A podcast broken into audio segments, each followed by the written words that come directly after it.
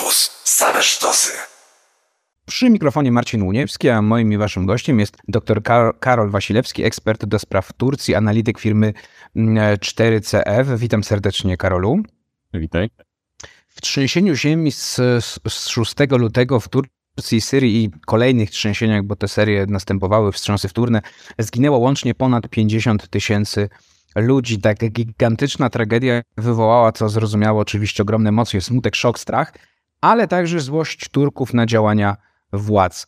O tej złości powiemy za chwilkę. Na początku, Karolu, no bo tak, na wysokości zadania jeszcze dodam, stanęły, stanęli zagraniczni ratownicy, w tym Polacy. No ale właśnie, na początku powiedzmy, jak państwo tureckie sobie poradziło i sobie wciąż radzi, no bo przecież ludzi, którzy stracili tysiące, tysiące ludzi straciło mm, dach nad głową, no też trzeba się tymi ludźmi, tymi ludźmi zająć. Więc stanęło na wysokości zadania tureckie państwo, czy raczej nie? Bardzo trudno jest udzielić odpowiedzi takiej no, zupełnie obiektywnej na to pytanie y, z prostej przyczyny. Jeśli chodzi o zarządzanie taką katastrofą y, i to, o czym wspomniałeś, o tej pomocy międzynarodowej, to to jest kluczowe, bo tak naprawdę trudno sobie wyobrazić jakiekolwiek państwo, które daje sobie radę z tego typu katastrofą. Y, wydaje mi się, że bez pomocy międzynarodowej byłoby to zupełnie niemożliwe.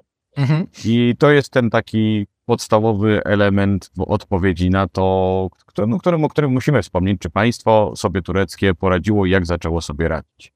E, drugim tym elementem, e, gdy e, zaczynamy udzielać odpowiedzi na to pytanie, musi być to, co napływało do nas, no jakby nie patrzeć z regionu i od ludzi dotkniętych trzęsieniem ziemi. I wrażenia, jakie napływały od tych ludzi, czy sygnały, jakie napływały od tych ludzi, były takie, że państwo zadziałało zbyt wolno w stosunku do oczywiście tej narracji silnego państwa, w której ci ludzie od dawna żyli, e, że państwo działało w sposób zdezorganizowany.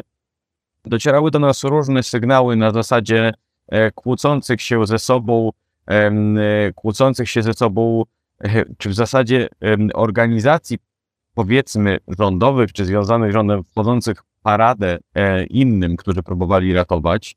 E, pojawiły się zarzuty do państwa no, związane choćby z blokadą Twittera, tak? czyli, mhm. czyli medium za pośrednictwem którego Turcy próbowali nawoływać tutaj do pomocy i, i odszukiwać osoby, które ucierpiały w trzęsieniu ziemi, ale medium też, którego tutaj trzeba oddać władzom, że rzeczywiście e, na którym rozprzestrzeniała się dezinformacja i to nie tylko jeśli chodzi o takie generalne teorie spiskowe, nie? Czyli, że na przykład trzęsienie ziemi wywołali Amerykanie. A to i u nas się pojawiły w tak, na, na polskim Twitterze, tak. E, natomiast te takie rzeczywiście realne, utrudniające pracę sygnały typu hej, ktoś potrzebuje pomocy w tym budynku, przy czym ekipa ratownicza szła do tego budynku, okazywało, okazywało się, że nie, zupełnie tam nikt nie potrzebuje pomocy.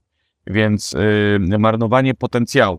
No ale Turcy to tłumaczyli z takiej sytuacji, z, z takiej strony, że no ta dezinformacja musiała się pojawić w sytuacji, kiedy wszyscy, to są argumenty, y, które się pojawiały. Proszę tego nie traktować jako argumenty jakoś w zupełności mm -hmm. całkowicie obiektywne. E, proszę też, żeby słuchacze pamiętali, w jakich warunkach się znajdowaliśmy, a więc w warunkach, można powiedzieć, niemalże apokaliptycznych dla tych ludzi, którzy tam zamieszkiwali, zostali dotknięci tym trzęsieniem ziemi te argumenty właśnie były takie, że no, w momencie, kiedy nie ufamy państwu, kiedy państwa nie ma, nie widać go, widać brak koordynacji, widać to, że państwo zajmuje się bardziej zarządzaniem PR-em po katastrofie, niż zarządzaniem samą katastrofą, no co mieliśmy robić? No, rzucaliśmy się na wszystkie formy pomocy. E, I to jest ten taki obraz, e, no, do którego pewnie, jak wspomniałeś, za chwilę przejdziemy do tego obrazu gniewu. Natomiast to, co jest w tym wszystkim najważniejsze, e, gdy zadajesz to pytanie, czy tureckie państwo, no jak sobie poradziło, czy się spisało, to takie najważniejsze, powiedziałbym, strukturalne czy systemowe, e, czy najważniejsza odpowiedź brzmi: państwo tureckie zupełnie sobie nie poradziło jako państwo, które leży w tak aktywnym obszarze sejsmicznym, które od dawna wiedziało, że jest narażone na tego typu tragedie które od 1999 roku miało się do tego typu tragedii przygotowywać, między innymi zbierając specjalny powiemy. podatek. To o tym powiemy też za chwilkę, Karolu. I, mhm. No i po prostu pod tym kątem, tym najważniejszym tak naprawdę, bo do ratowania życia tego, tych ludzi były potrzebne, e, ratowania życia, do ograniczenia skutków katastrofy, które były spodziewane, były potrzebne po prostu działania prewencyjne, budowanie odpowiednich budynków, wydawanie pozwoleń odpowiednio zabezpieczonych pod kątem prawnym, no i po prostu egzekwowanie warunków zabudowy. E, tego wszystkiego zabrakło w tym sensie państwo tureckie no nie spisało się. A propos krytyki, no właśnie takie sceny chociażby z agencji Reutera obiegły, um, obiegły światowe media, kiedy kibice podczas meczów w Stambule zaczęli rzucać na boisko maskotki dla dzieci. No one oczywiście zostały potem przeznaczone dzieciom, które przeżyły ten, ten kataklizm, ale ci sami kibice rzucając te maskotki wznosili okrzyki przeciwko rządowi i przeciwko prezydentowi Erdanowi. Ludzie z terenów zniszczonych przez trzęsienie w rozmowach z mediami, no właśnie skarżyli się na brak pomocy państwa, w ogóle na brak obecności państwa bardzo często. Z czego, Karol, wynika twoim zdaniem ta no, spóźniona reakcja, reakcja władz, ten, tak jak powiedziałeś, czasami takie trochę wchodzenie sobie w paradę niektórych organizacji. Mm, bo dziennik Time na przykład pisze, że jednym z takich skutków, znaczy z, z przyczyn tego jest zbyt duża centralizacja władzy w rękach mm, no, Erdoana, w rękach rządu, rosnący autorytaryzm, no i to, że część organizacji, które powinna być mm, pozarządowa, no władzę położyły na nich, mówiąc brzydko, łapę i przez to ich efektywność spadła. Czy to faktycznie jest jeden, jedna z tych przyczyn, czy jakichś innych upatrujesz się tutaj w, tym, w, tym, w, te, w, tej, w tej reakcji konkretnej na to konkretne trzęsienie? Absolutnie jest to jedna z przyczyn, e, która no też na kanwie tej katastrofy bardzo jaskrawo została wyeksponowana. To dążenie do centralizacji tureckiego państwa, które przejawiało się w sposób praktyczny na różnych elementach, typu zarządzanie katastrofą i gdzie argumentowali, proszę teraz, żeby słuchacze uważali, bo to nie są moje poglądy, ja powtarzam w tym momencie po specjalistach, którzy zajmują się zarządzaniami e, e, katastrof, zarządzaniem katastrofami i którzy argumentowali, że ta filozofia centralnego państwa zupełnie się nie sprawdziła, bo o ile koordynacja jest ważna e, na punkcie centralnym, o tyle dostarczanie pomocy w konkretnych miejscach no jest ważne, żeby było to podejście lokalne, bo są, jest znajomość potrzeb, jest znajomość warunków yy, i tak dalej. Natomiast muszę tutaj dodać rzecz podstawową. Uczciwa odpowiedź na to Twoje pytanie, jaka była przyczyna, jest moim zdaniem w tym momencie niemożliwa, bo tych elementów jest tak wiele, yy, one są ze sobą w tak niesamowity sposób połączone, czasem tak bardzo niespodziewany, że zbieranie tych wszystkich przyczyn e, dla no, jednego umysłu, jakby nie patrzeć, ja jestem jednym umysłem, który ci to odpowiada, jest po prostu niemożliwe. Przy mikrofonie Marcin Uniewski, moim i waszym gościem cały czas dr Karol Wasilewski, ekspert do spraw Turcji, analityk firmy 4CF. Rozmawiamy o trzęsieniu ziemi w Turcji, a raczej, raczej o mm, tym, jak tureckie władze zareagowały na to trzęsienie, no i o krytyce mm, rosnącej wobec, e, w stosunku do prezydenta Erdoana, że po prostu sprawę, mówiąc e, bardzo kolokwialnie, pokpił i tak naprawdę po czasie zareagowano. Zapytałem Cię, Karolu, przed przerwą o te przyczyny właśnie w tym konkretnym e, trzęsieniu z tego roku, no, no tej spóźnionej reakcji władz, więc proszę Cię, bo powiedziałeś, że jest tego bardzo dużo, ale ale zacząłeś e, wymieniać. Tak, i że są ze sobą mhm. rzeczy powiązane, niektóre w sposób nieprawdopodobny. E, otóż ym, podstawowa rzecz, powiedzmy związana jakoś z centralizacją i z tym zarządzaniem takim, no jednak jakby nie patrzeć, populistycznym Turcją przez Tajpa Erdoana, e, i coś, co Turcy zauważali bardzo jaskrawo, no to jest po prostu ładowanie pieniędzy różne inne, na przykład popularne hasło przygody w tureckiej polityce zagranicznej, a nie w zabezpieczanie życia tureckich obywateli. E, kolejna sprawa, dysfunkcje państwa związane z, no właśnie, e, rozbudowaną siecią nepotystyczną, klientelistyczną Tajpa Erdoana e, i Partii Sprawiedliwości i Rozwoju.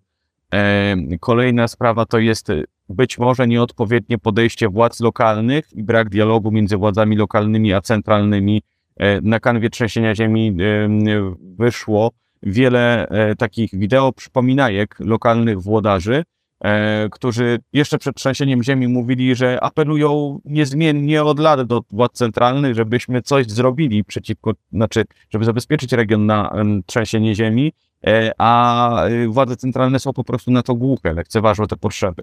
Są wreszcie takie rzeczy, te właśnie, tak jak powiedziałem, najmniej spodziewane dziwne e, z naszego punktu widzenia, E, bo y, zresztą nie tylko z naszego, z tureckiego punktu widzenia również. No, e, Turcy na przykład zaczęli zadawać pytanie od razu po trzęsieniu ziemi, gdzie jest armia?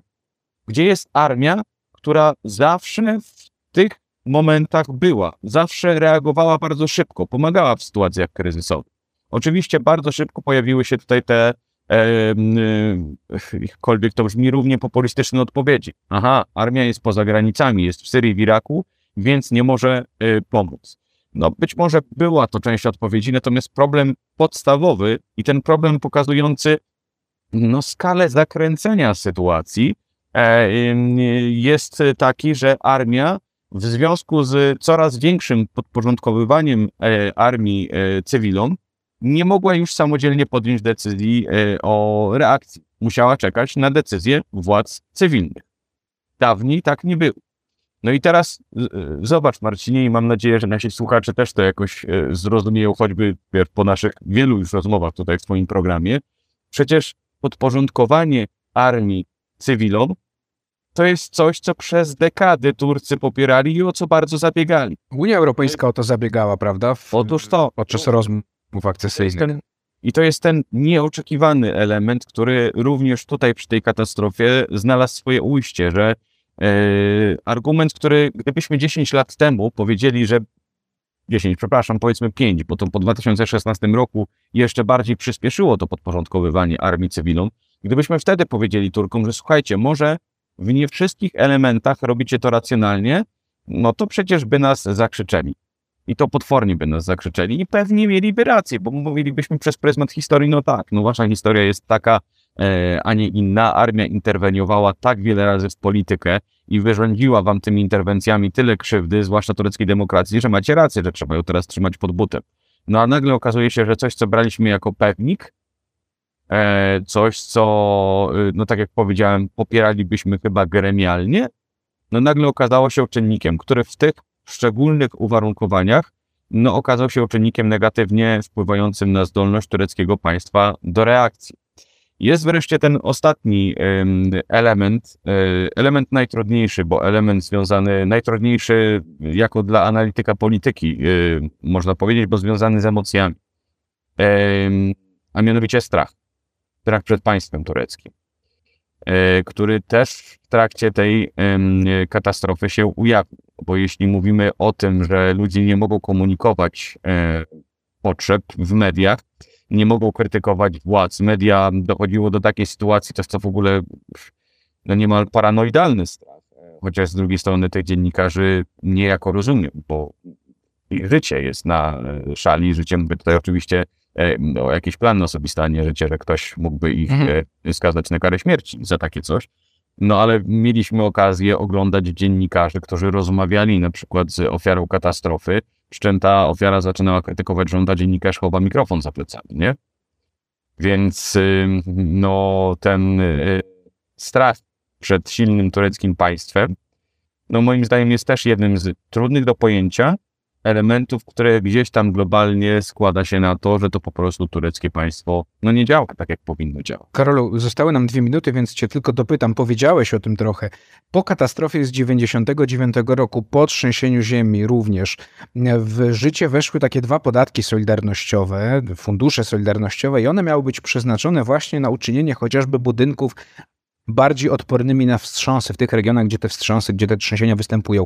Co się stało z tymi miliardami lir, dziesiątkami miliardów lir, czy one zostały gdzieś po prostu przez lata zaprzepaszczone? No bo tak jak mówisz, urzędnicy lokalni apelowali do władz zróbmy coś, a władze mimo teoretycznie posiadania instrumentów i środków, no nic z tym nie robiły.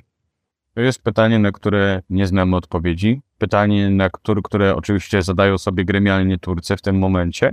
E, moim zdaniem nie poznamy odpowiedzi na to pytanie do momentu, kiedy nie zmienią się tureckie władze bo już teraz mamy do czynienia z e, opublikowaniem jakichś takich um, statystyk, które mają e, potwierdzać um, narrację podstawową władz wobec tej katastrofy. Narracja podstawowa jest taka, to było tak duże trzęsienie ziemi, że nikt nie mógł sobie z tym poradzić. Mhm. Nie można było nic zrobić.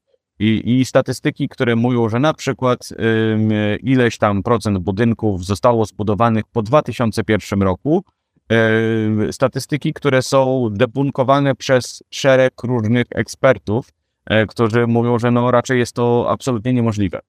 E, no ale z jednej strony mamy narrację, nie narrację, przepraszam, statystyki oficjalne podawane nam przez tureckie władze, z drugiej strony mamy ekspertów, którzy jakby nie patrzeć, no nie są organami władzy oficjalnymi. I dlatego mówię, że moim zdaniem e, pełne okoliczności tego, co miało miejsce, jak doszło do tej katastrofy, e, raporty, które będzie można uznać za obiektywne, e, no pojawił się dopiero po zmianie władzy. Moim waszym gościem w Radio Campus cały czas dr Karol Wasilewski, ekspert do spraw Turcji, analityk firmy 4CF, a my rozmawiamy o no, tragicznej sytuacji trzęsienia ziemi w Syrii i Turcji. Ponad 50 tysięcy ludzi zginęło. Skupiamy się e, dzisiaj na Turcji i na tym, jak tureckie władze zareagowały na, na trzęsienie i na krytykę, która spadła na tureckie władze e, ze strony samych Turków, którzy przeżyli ten, e, ten kataklizm.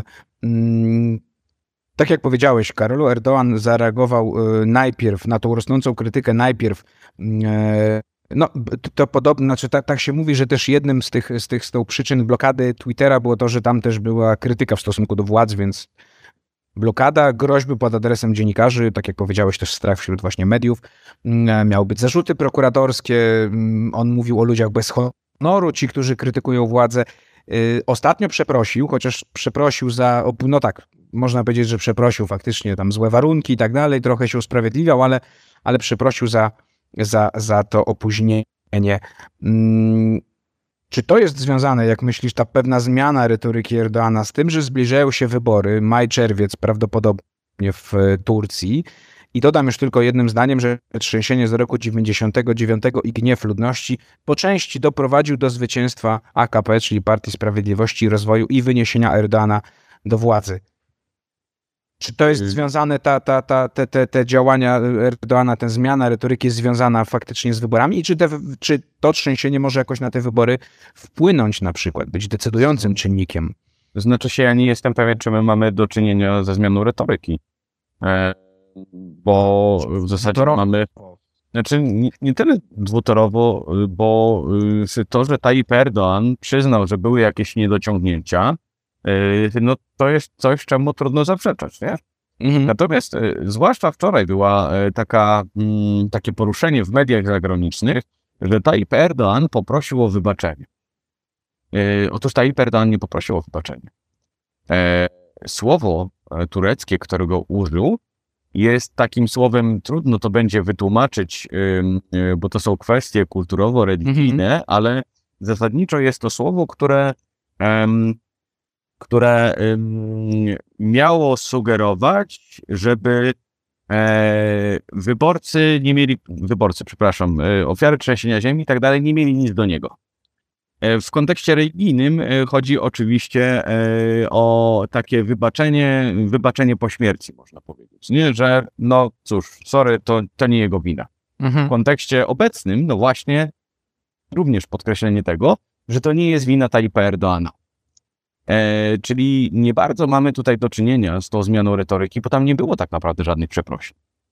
Tam nie było żadnego proszę o wybaczenie. Nie?